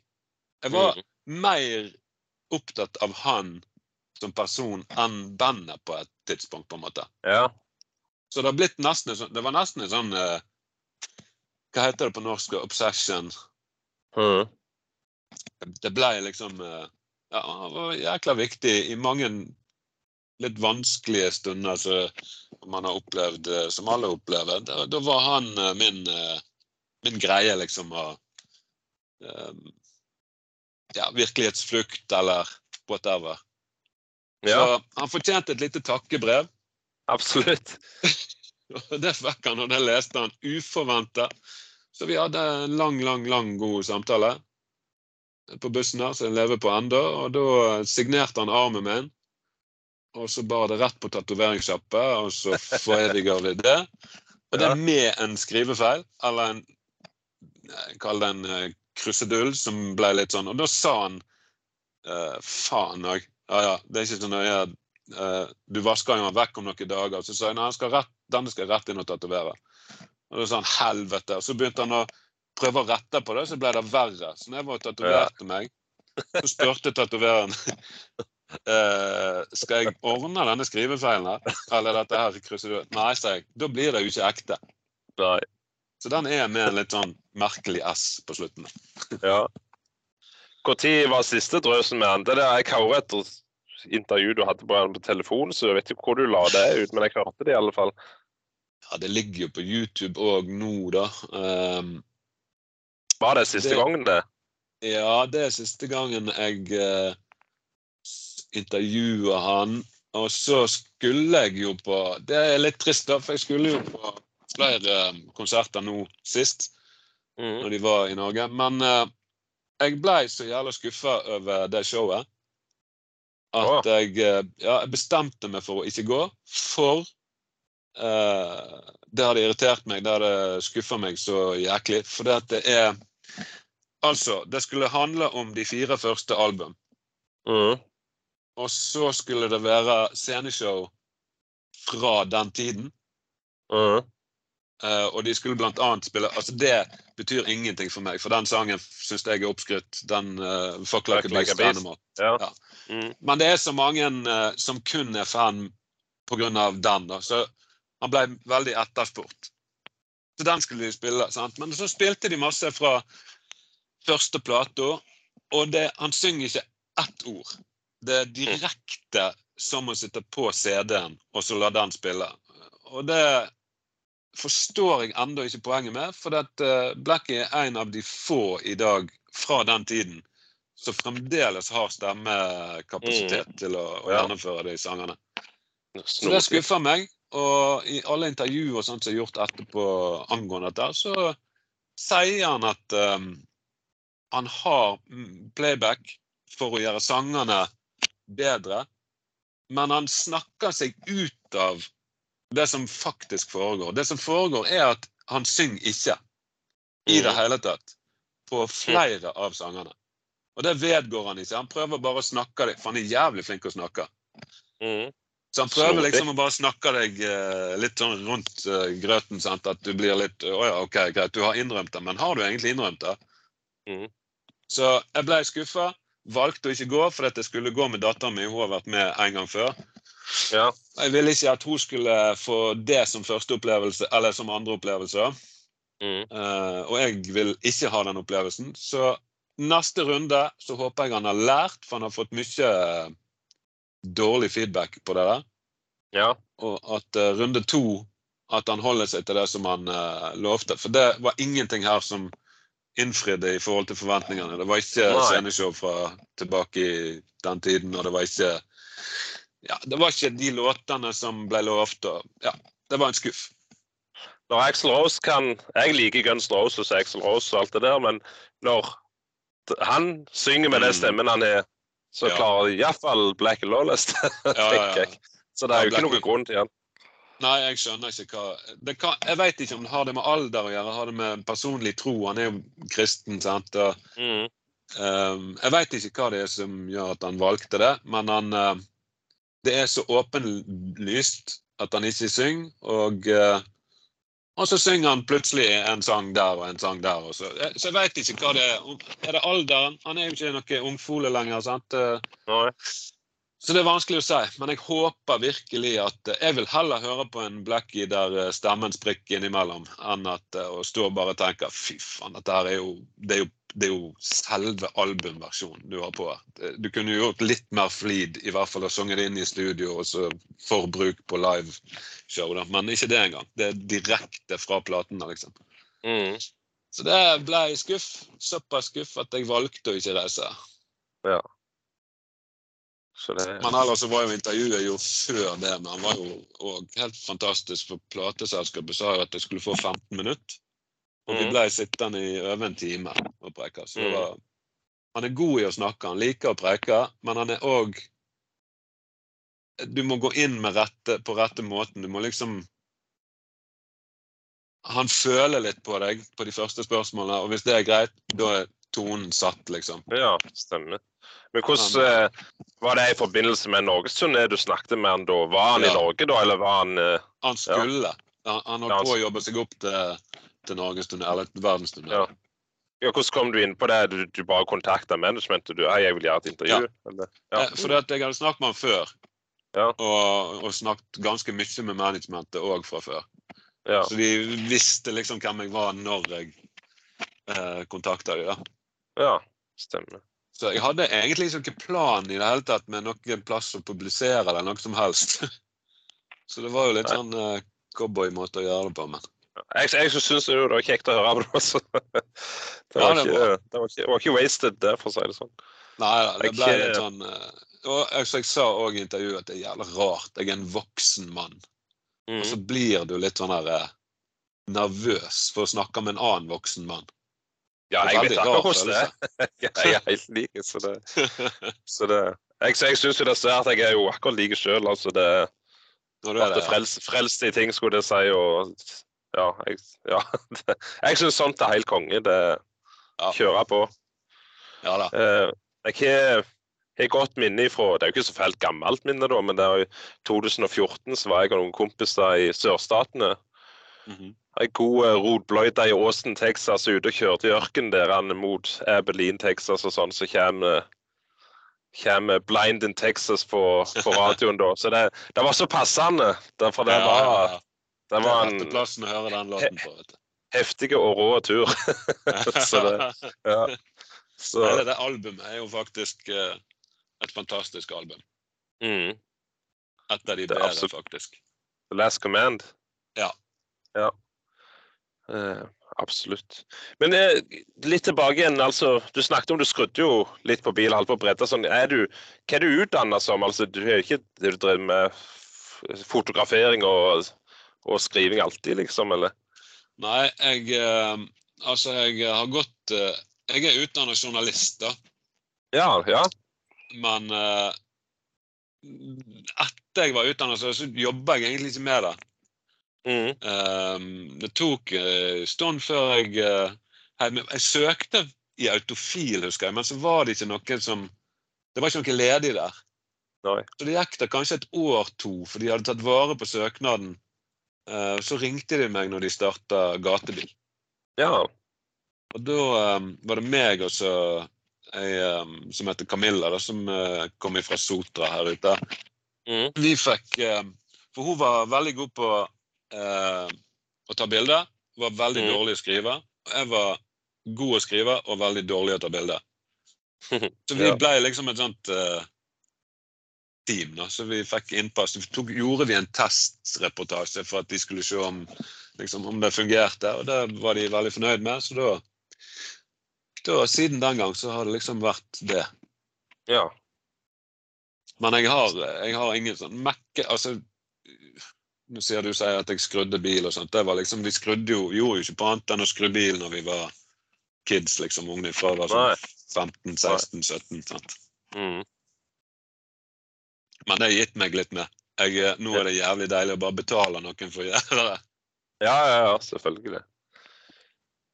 Eh, vi snakket jo altså både bil og Amcar og, og, og Wasp, skulle jeg si, jeg kommer på. Jeg husker jeg leser Jeg reiste på Sweden Rock noen år, og, Ja. eh, og da var det sånn Det var liksom bare et par kroner ekstra, så kunne du få Sweden Rock-magasin hjem. Ja. Og da, det var en måte å finne ny musikk på der, for de hadde jo albumanbefalinger, altså sånn. ja Og da var det en reportasje da om Chris Holmes. ja. Eh, Da var, da var det en svenske da i Syden også som hadde reist bort og liksom Han skulle treffe han her midt ute i skauen med ei hytte. liksom, Kan det være her, liksom? og sto og skrudde på en gammel amerikaner der, og det, det så noe osje ut. Jeg, eh, men det var jo vanvittig tøft intervju, da han kom jo inn på han etter hvert. og alt det der. Eh, så vet jeg ikke om det var den bilen. For jeg vet Lord Now snakket om dette her. Han, for jeg husker han la Ja, ja, ut den her Firebirden han hadde Ja, ja, ja. til salgs. og Den så så forferdelig ut. ja, ja helt jævlig. og ingen kjøpte den. han.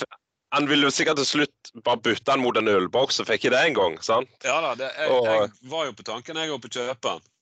Ja, Det der meg og lorden faktisk snakket om. Faen, for idioter. Hvorfor kjøpte de ikke bare den bilen? og fikk? Kosta jo ikke et øre. det. Hva hadde jo kosta, men det var gull verdt det, ikke sant? Ja, ja, det var jo omtrent bare frakten han skulle ha for han. Altså, det var jo Ja. Jeg husker ikke hva det var til slutt. 20 000?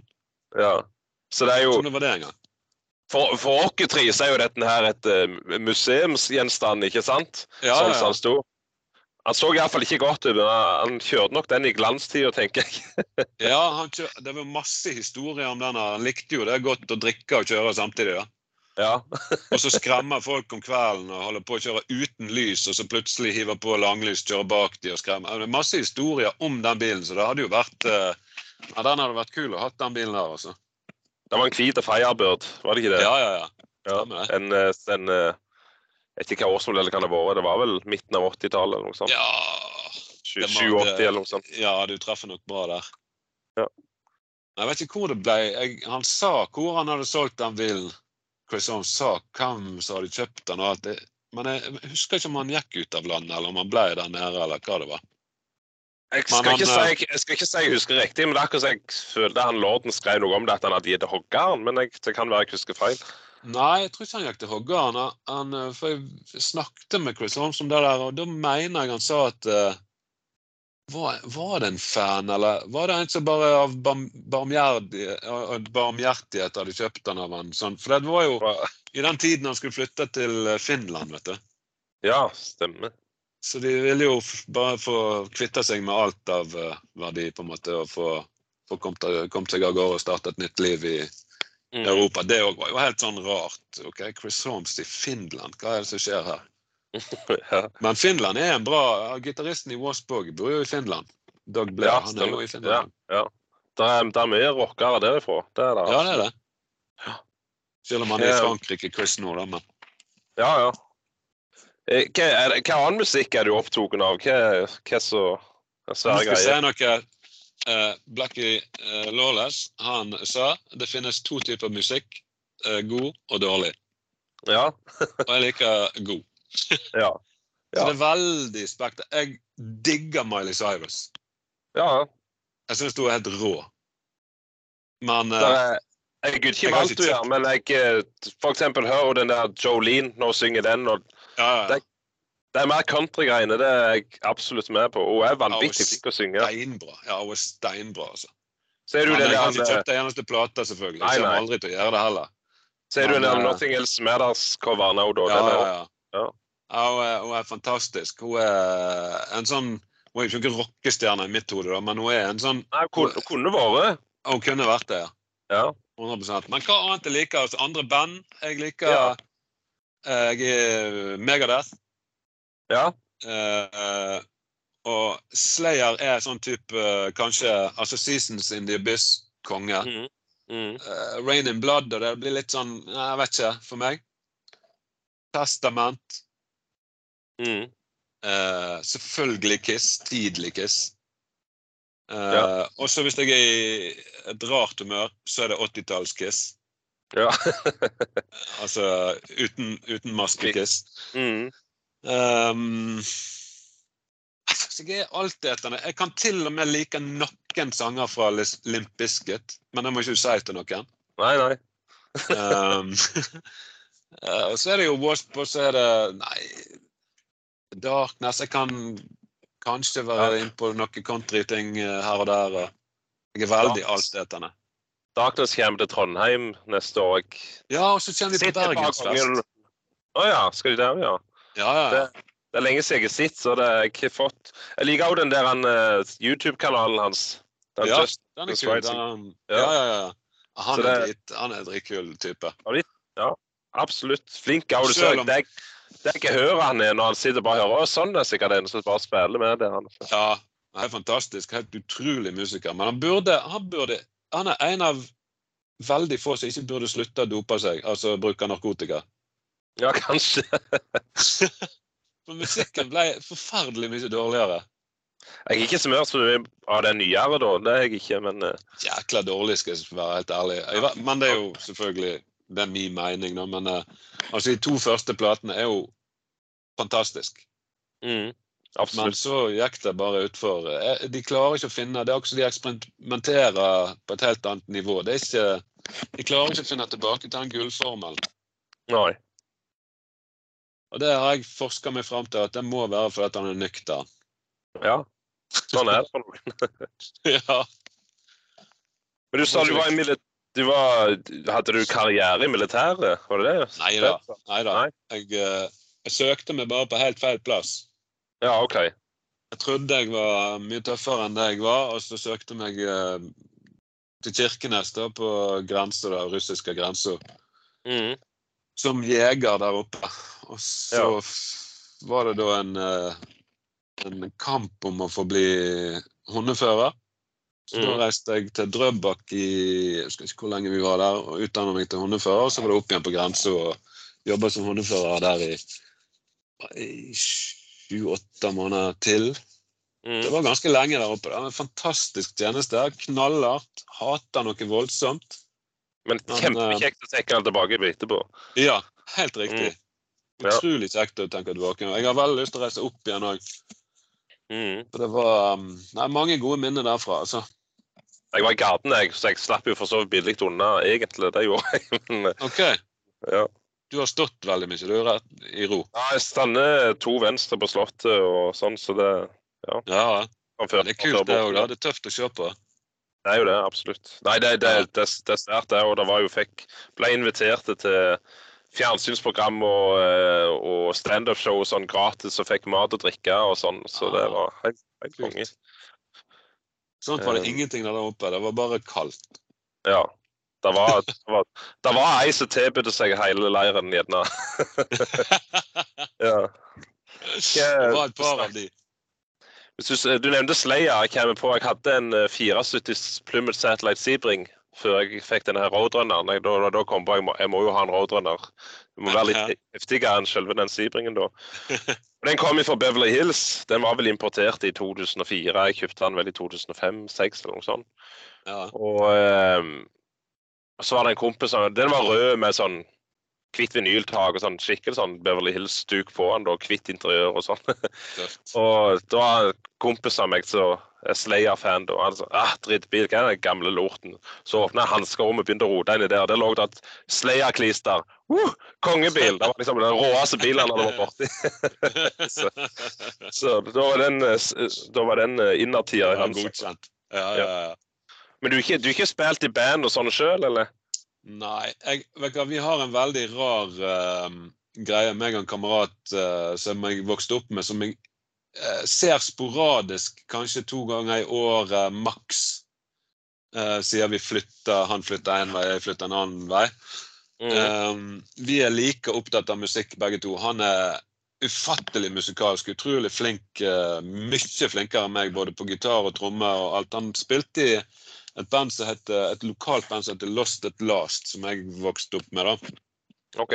Uh, og um, han og meg, vi har en greie som har pågått jeg vet ikke hvor mange år, der vi tar opp uh, på telefonen når vi sitter og spiller gitar, et utdrag av et riff eller uh, en solo eller whatever, Mm. og så sender vi den, og så skal den andre gitte hva det er for noe. Og det kan kun være fra seint, seint 70 til Ja. midten av 90-tallet. Ja. Og det må være hardrock, da. Ja. Og det har vi drevet på med sinnssykt lenge. og Det er kanskje det nærmeste jeg kommer eh, å være i noe musikalsk sammenheng eh, sammen Ja. med noen andre. Men du har i alle fall gitar, da. ja, flere gitarer. Jeg har jo BC Ja. Rich Warlock, som Black igjen har, selvfølgelig. Ja. Og så har jo, bydde jeg jo på bassen hans når den ble lagt ut, og bydde på gitaren som han brukte i studio. og alt. Det var noen andre som hadde mer penger enn meg, heldigvis. Ja.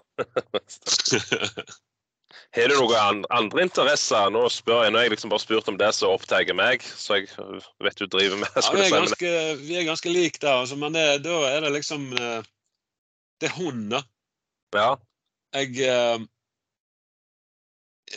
Jeg har en, eh, en eh, Hva skal jeg si En sykdom. Uh, Og den Hadde jeg ikke hatt den, da, så hadde jeg vært i Ukraina nå med uh, han karen som driver det som heter Norddog. Han kan hende Ja. du har sett det på TV 2. Uh, en eller annen form for frokost-TV. Så reiser ned med hundemat og sånn, liksom, eller? Han reiser ned med hundemat, men han, han er der nede nå. Han har bare, Ok. Han har bare brukt alle sparepengene sine på å være der nede og hente ut skadde hunder, hente ut hunder som blir forlatt av eierne. Eh, alt som kan tenkes som kan skje med en hund, det ordner han opp i den her. Og bygger store shelters til eh, hundene Mm. og få tak i mat og al- Altså, det er en hel greie han har fått i gang nå. Og, og det er granater og bomber, det, det sprenger rundt han i alle retninger. Han er på frontlinjene, rett og slett. Mm. Og offrer, altså er klar til å ofre livet sitt for disse hundene. Mm. Og det er så Altså, for meg hadde det vært en drøm å kunne ha vært med. Men grunn én, eh, så er det litt sånn det er ikke, jeg, er ikke, jeg ligger ikke for døden, altså. Men eh, jeg kunne ikke holdt på med det. Og så er det at jeg har Franco som er så avhengig av meg her at jeg, han kunne jeg ikke reist ifra. Nei. Så har ikke det vært for det, så hadde jeg holdt på med det. Og jeg har tenkt tanken mange ganger å drive med sånne ting her i Norge, men det er heldigvis eh, ikke så stort behov for det at du kan leve av det. da. Nei. Eh, men det hadde vært førstepri å kunne hjelpe hunder, rett og Mm. slett. Ja. Um, så det er interesse. Og ellers så er det interesse å plage rike bilforhandlere til å hjelpe andre som har det vanskelig. Så der har vi gjort en del. Det syns jeg er jækla gøy. For at uh, jeg er ingen millionær. Nei. Um, jeg, jeg, klar, jeg har liksom nok til å kjøpe brød og pålegg, men uh, um, jeg kjenner Jeg har vært heldig å bli kjent med veldig mange uh, pengesterke folk som òg føler at uh, penger ikke er alt. Så jeg tipser, og de Mm. har da på en måte kommet på banen og, og tatt seg av den økonomiske biten. Så jeg har fått vært med på mange sånne ting eh, som gir masse glede i form av å glede andre. Altså barn med kreft eller Ja. så, sånne ting. da. Så det òg interesserer meg. Er dette nær det er sånn lov å si. Hørtes teit ut Ja. at det interesserer nei, nei, men det, meg. er- det er jo fint. Det er fint, det. Eh, Men da, da er det mer sånn gjerne ordne en kjøretur i en kul bil til noen unger, eller ta de med på noe Ja, det har vært litt kino, forskjellig. mat Ja, det er sånn Det har vært litt, litt forskjellig. Det har vært uh, i form av uh, store, store, store rene pengegaver òg. Og ikke minst hjelpe folk som organisert driver f.eks. med å hjelpe andre. Altså Mm. Det er jo sånne som blir drifta av privatpersoner. da. Mm. Uh, jeg veit ikke hvor mange hundre tusen jeg har, eh, ikke jeg, men uh, som har blitt gitt av disse forskjellige bilforhandlerne ut til trengende. Både folk, familier med kreft, eller opp mot juletider. Altså folk som ikke har hatt råd til en drit. um, som har uh, tørt å ta steget og gi beskjed om at uh, de ønsker gjerne å, å få litt hjelp. Uh, Jeg vil, jeg vil tippe, det, tippe det behovet ikke mindre nå i disse tidene. Nei, det er helt Det er så trist, da. Når jeg ble med på det Altså, når jeg fikk den ideen og presenterte den for denne bilforhandleren, da, Mm. så tenkte jeg ikke helt Jeg var ikke forberedt på det som kom, da. For det at jeg fikk jo oppdraget Hæ? Det er tungt å se, rett og slett. Ja, det ble det. For jeg fikk oppdraget å velge ut For de kunne ikke gi penger til alle, sant? Nei, nei, nei. Og det kom 500 Å, eh, søknader, da. Så du måtte Mm. lese gjennom en liten livshistorie. Og, og den ene var mer tragisk enn den andre, liksom. Ja. du, du ble helt uh, Sånne ting der går litt sånn Jeg tar det litt sånn Jeg har en evne på å leve meg inn i andres situasjon. Sant? Og det, det ble jækla tungt. Altså. Det ble rett og slett uh, litt vanskelig å holde på med. Ja. Og når det da i tillegg ble um, noen som prøvde å misbruke det, så mister du helt nesten gnisten. Så jeg skjønner at de som driver med veldedighet, det er noen fantastiske sjeler som klarer å holde ut år etter år etter år. etter år. For at, eh, mange folk er veldig kyniske og vil prøve seg å sko seg på andre sin elendighet, rett og slett. Ja. Så um, ja, det har òg vært en interesse. Det syns jeg er veldig kjekt. Mm. Um, nå høres jeg ut som jeg tror jeg er den snille, flinke Men dette her er det er ikke jeg som Altså, det ikke, jeg er ikke noe engel. Det, dette her jeg hadde jo aldri sånne ting. Jeg har jo ikke fått til uten de gutta som uh, har kommet med pengene. Mm. Så ja, det, det, det kunne jeg godt tenkt meg å dreve med hele tida. Ja. Men det blir ingen penger av det, så man må nesten leve òg. Så det, det går egentlig ikke. Nei, stemmer det. Det, ja, det heter jo veldedighet for en grunn også. Ja, ja, ja. Sant. Ja. Så det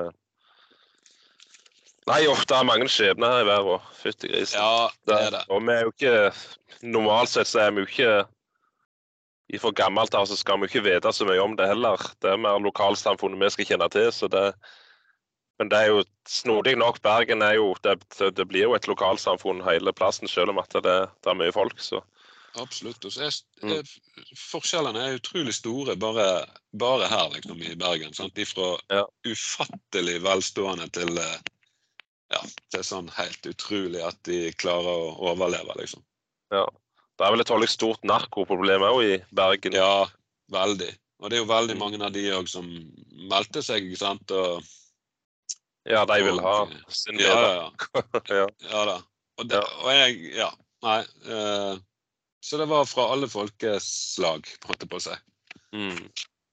Ja. Um, men det, jeg vet ikke om det kan kalles interesse. Så liker jeg å putle på hjemme. Jeg bor jo på en nedlagt gårdsbruk. Sant? Så jeg liker å holde på å pusse opp litt og tulle og tøyse, snekre, herje, ja.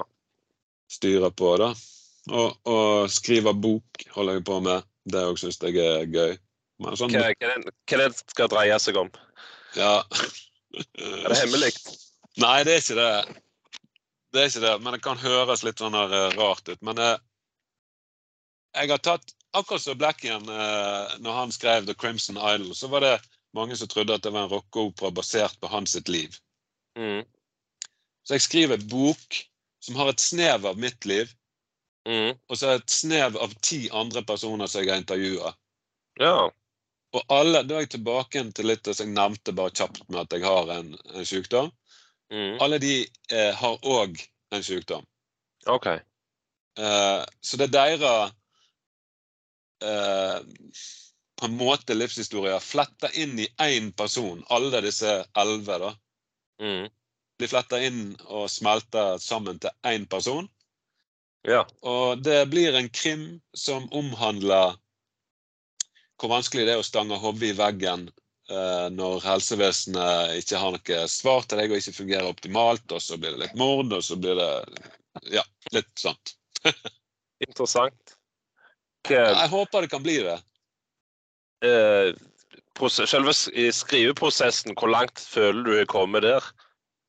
Mm, 20% Ja.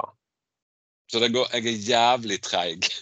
Ja, Men det er fordi at jeg, jeg må få det øve meg. Jeg er veldig glad i å tegne, men jeg tegner sikkert bare to ganger i året. ja, ikke sant? Ja.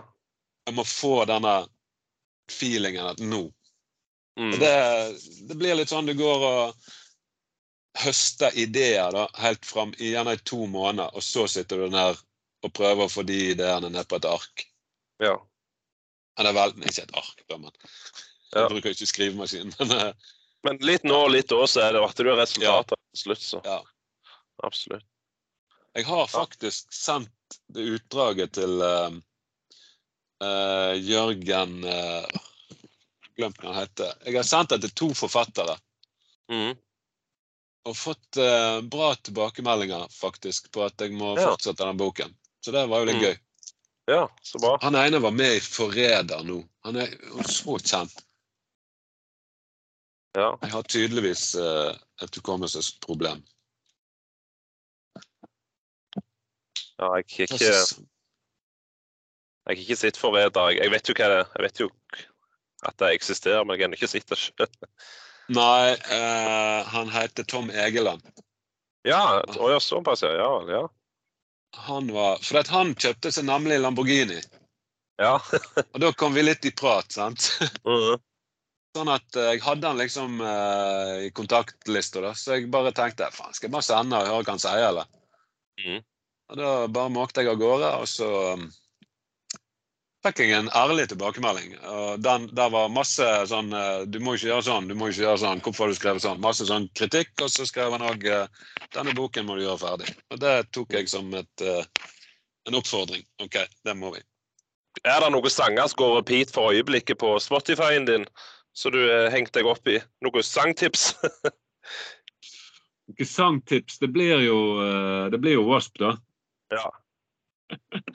Og, det, og der er det jo eh, for massene, så, så må de jo høre 'Miss You' og 'Golgotha'. Ja. Eh, Jeg liker, jeg liker godt Promised Land-coveren til, ja, ja, til den den, den er bra. Ja. Og så selvfølgelig gå litt tilbake sant, og gi The Electric Circus uh, en sjanse. Mm. For der er der er mange Det er jo det albumet Blacken er minst fornøyd med, men eh, ja. jeg føler det er et bra album egentlig allikevel. Hva han ikke liker med det? Hæ? Hva han ikke liker med albumet? Nei, han, han uh, sier det er et, eh, trøtt album av et uh, trøtt band, for de hadde lagt et album, reist på turné, lagt et album, reist på turné, lagt et album og reist på turné. Så de var okay, ja. utbrent. Uh, Ja. Det var bare Han liker det ikke. Men jeg syns det er et spennende album nå, i hvert fall. Og Ja. ellers så er det jo Megadeth sin siste album er jo òg klasse. Mm. Så det går på Spotify min. Ja. Det er uten Også- Ellefsen, Hæ? uten han Ellefsen på bass? Eller har de ikke gitt ut noe? Nei, ja. Han, han driver jo med andre ting. Ja, ja stemmer det. Absolutt. Det er det han gjør. Så eh, ellers er det eh, litt av hvert på den Spotify-en. Det er en enormt uh, variert liste. Miley, alt fra Miley Cyrus er en på der til uh, Mm. ja, Megadeth. Noen, noen filmtips? Jeg føler det er langt imellom nye, bra filmer, men du kan, må vel velge gamle hva? Jeg, jeg føler alle må ha sett filmen Seven med Brad Pitt. Ja. Syv, død, syv dødssynder. Ja, den syns jeg eh, det er, en, det er en klassiker. En fantastisk bra film. Mm. Men har jeg sett noe nytt bra i det siste, da?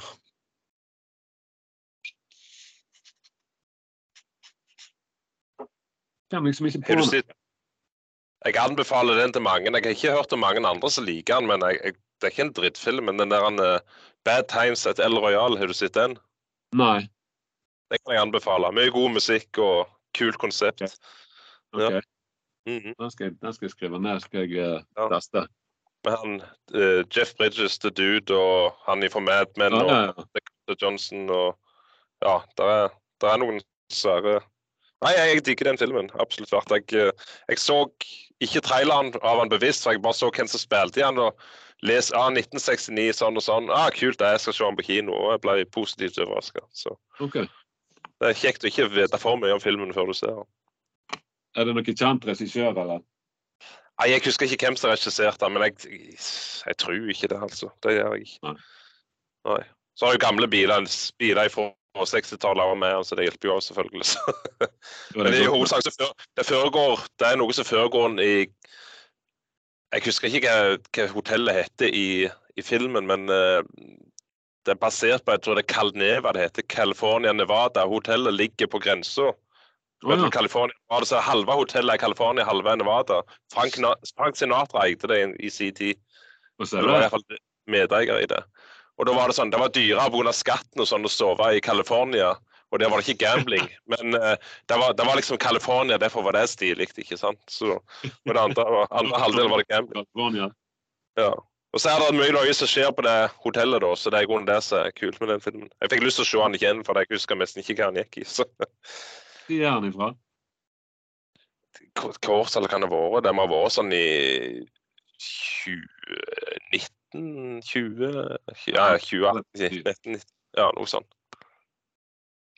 Nei, men eh, takk for drøsen. Det er jo ikke noe mer på hjertet før jeg, før jeg, før jeg legger på. Nei, nå syns jeg jeg har sagt så mye uinteressant at uh, tenker det Jeg syns, jeg, jeg syns det var kjempealltid. Tusen takk for drøsen. Så snakkes vi gjerne igjen senere en gang. Så. Takk skal du ha. Yes, da ser vi. Ha det. Ha det. Ha det.